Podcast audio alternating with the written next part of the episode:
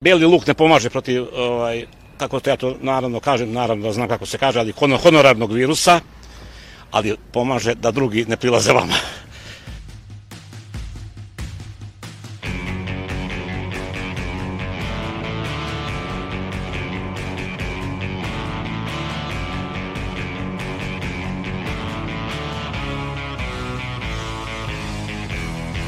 Slušate novo izdanje podcasta Reaguj, nezavisnog društva novinara Vojvodine.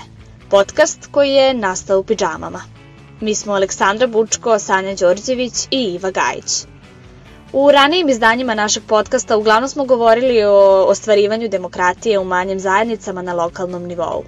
Ali se stvari menjaju, pa smo se i mi odlučile da teme podcasta prilagodimo novoj situaciji – Zato ćemo u narednim izdanjima donositi priče o solidarnosti i životu ljudi za vreme vanrednog stanja.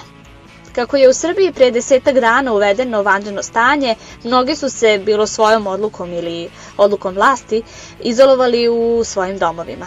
U četvrtom podcastu Reaguj govorit ćemo o promeni načina života nakon uvedenog vanrednog stanja, rutini i njenom značaju, kao i o anksioznosti i kako se boriti sa njom. Mentalna higijena u ovakvoj situaciji potrebna nam je kao i fizička. Među prvim stvarima koje su se pojavile ubrzo posle e, proglašenja vanrednog stanja e, bili su i kontakti psihologa i psihoterapeuta iz Srbije koji svoje usluge pružaju besplatno osobama koji su pogođene celom ovom situacijom. Aleksandra Filipović, diplomirana psihološkinja i zdravstvena radnica sa završenim bazičnim nivom gestalt psihoterapije, Kaže da je volontiranje sastavni deo njenog i profesionalnog i privatnog života. Logično, odmah se priključila i ovoj akciji. Samim tim sam se uključila i u ovu akciju jer je ovo vanredna situacija i mislim da je i da će biti u narednom periodu preko potrebno e, svima, pa i nama samima, jel? E, I superviziji i sve ostalo, a pogotovo ljudima koji su anksiozni ili napade panike slično tome. U ostalom i ljudi koji su pogođeni ovim, da li zbog toga što su možda sami ili im treba bilo kakav drugi vid podrške ili možda zato što ne radi ili su u samoizolaciji i tako dalje. Mislim da je važno da svaka struka, pogotovo kao što je psihologija, jeste humana struka, da odgovori volonterskim odzivom na ovu situaciju. Ivana Budinski, e, istraživačica Instituta za biološka istraživanja Siniša Stanković, vratila se iz inostranstva dan pre proglašenja vanredne situacije. Prošla je kroz dva aerodroma, bila je okružena velikim brojem ljudi, pa se odlučila da se izoluje. Ona za podcast Reaguj govori o tom iskustvu. Kad sam vidjela da, da ću da budem zatvorena između četiri zida, stavila sam prst na čelo i kao, e šta sad? Dogovorila sam se sa sa kolegama na poslu o ovaj, radu od kuće. Trenutno sam u fazi pisanja nekog rada, pa to svejedno mi je da li sedim u institutu ili sedim u svom stanu i sve dogovore obavljamo putem Skype-a, tako da to za sada funkcioniše. Da bi se malo fizički aktivirala, kupila sam online, preko kupujem, prodajem sobno biciklo, pa ono malo vrtim pedale svaki dan, nastavila sam da čitam knjigu neku koju sam počela zimus pa nisam imala vremena. Imam neke puza, neku svagdalicu koju slažem. Uh, preko Skype-a, preko Vibera komuniciram sa porodicom, sa prijateljima, malo da prekratim to vreme što sam sama. Uh, što se tiče nabavki, to imam dogovor sa koleginicama koje žive u komšiluku.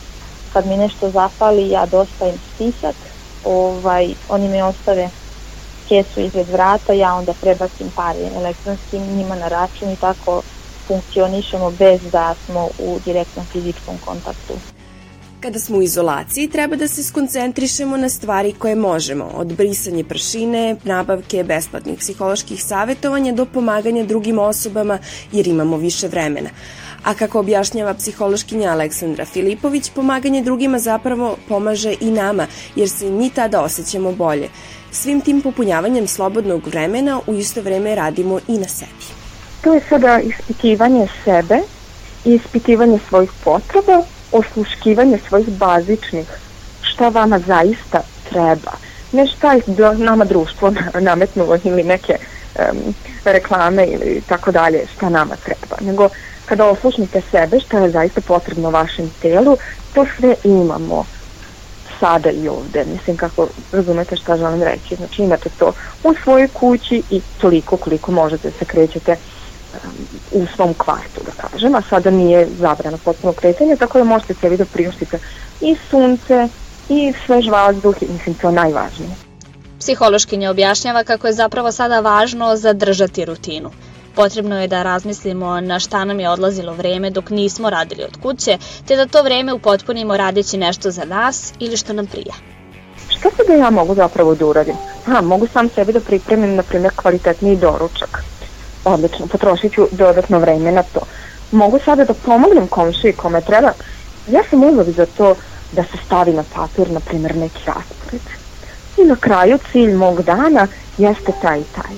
Da se konkretizuje stvar.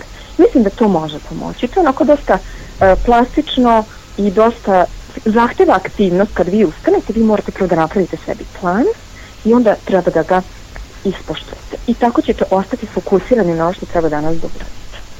I naravno treba da se ubaci neka nova aktivnost, kao što je, na primjer, ću danas da pogledam nešto što nikada pre nisam video, da vidim da li mi se dopadne ili ne, zato što imam viška vremena.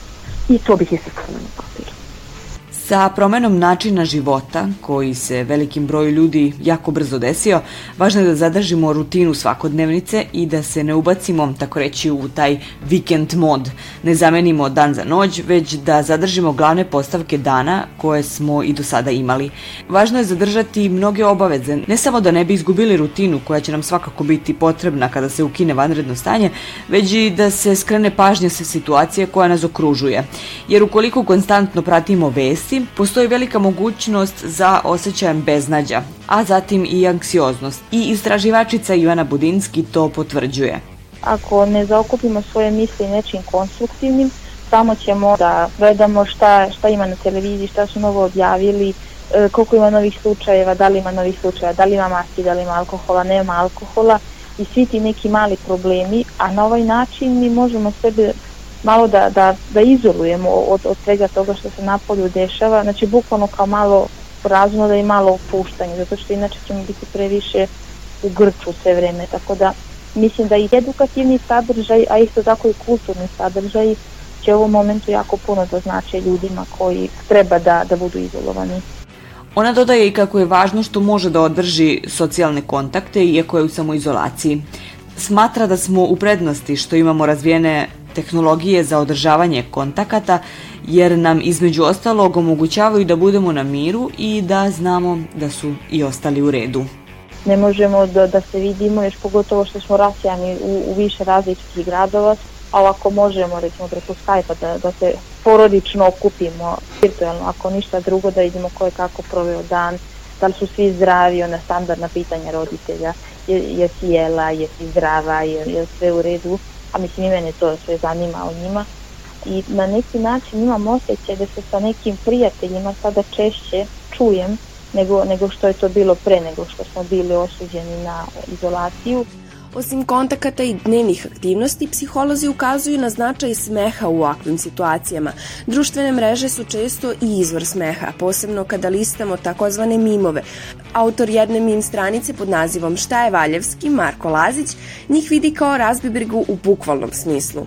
Društvene mreže mislim da mogu imati jako negativan uh, uticaj na mentalno zdravlje, naročito sada kada smo svi u kući bombardujemo sami sebe, teli to ili ne informacijama 24 sata dnevno, ali mislim da mimovi sami po sebi imaju pozitivan uticaj, zato što Zato što ti omogućavaju da se jednostavno nasmeješ, da kao sam kažeš, haha, da ne, zam, da ne zamaraš glavu sa nečim teškim, nekim velikim temama, nečim, tako nego jednostavno da se nasmeješ, ništa više, ni, ni manje ni više od toga.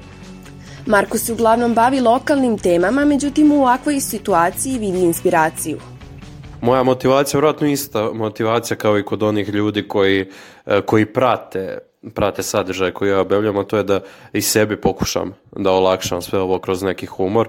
Znači to što je moja stranica, ajde, tako kažem, specifična, obraća se ljudima u jednoj sredini, ljudima koji su oko mene, konkretno u mom, u mom rodnom gradu, tako da želim da svima nama malo ovo olakšam sve, da da se malo nasmejemo ako kad smo kući svi, da ne mislimo samo o virusu koji se širi svuda oko nas i ovoj, i ovoj kućnoj izolaciji. Mim kreator Alen Marković takođe vidi šalu kao način da se odbranimo od stresa, straha i dosade.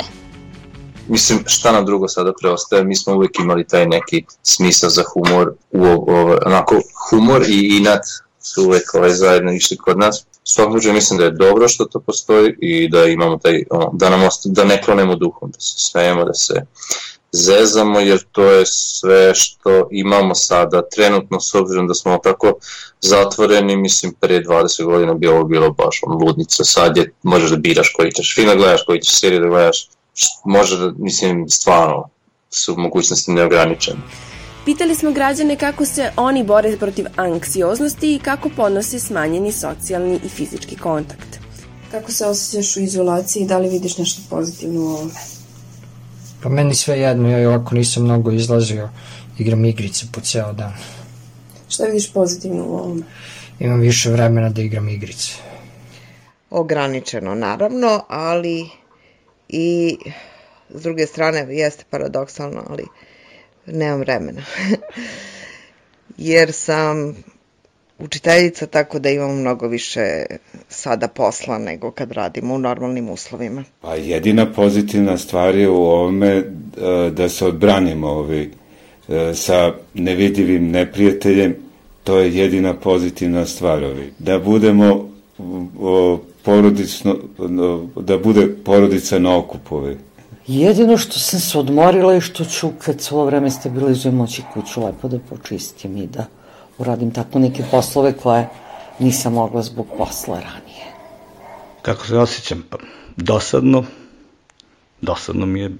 Besan sam, bespomoćan, razočaran, zabrinut, ali sam i, i optimista. Pobedit ćemo. U ovom podcastu Reago i Nezavisnog društva novinara Vojvodine govorili smo o borbi sa anksioznošću i o solidarnosti u danima kada nam svi preporučuju da ostanemo kod kuće i da smanjimo socijalne kontakte. Na ovom podcastu sa nama su radile kolege Irena Čučković i Nemanja Stevanović ostanite kod kuće. A do sledećeg slušanja pratite nas na društvenim mrežama, na Facebooku, Instagramu i Twitteru, a ako želite da nas podržite, možete to uraditi na stranici donations.ndnv.org.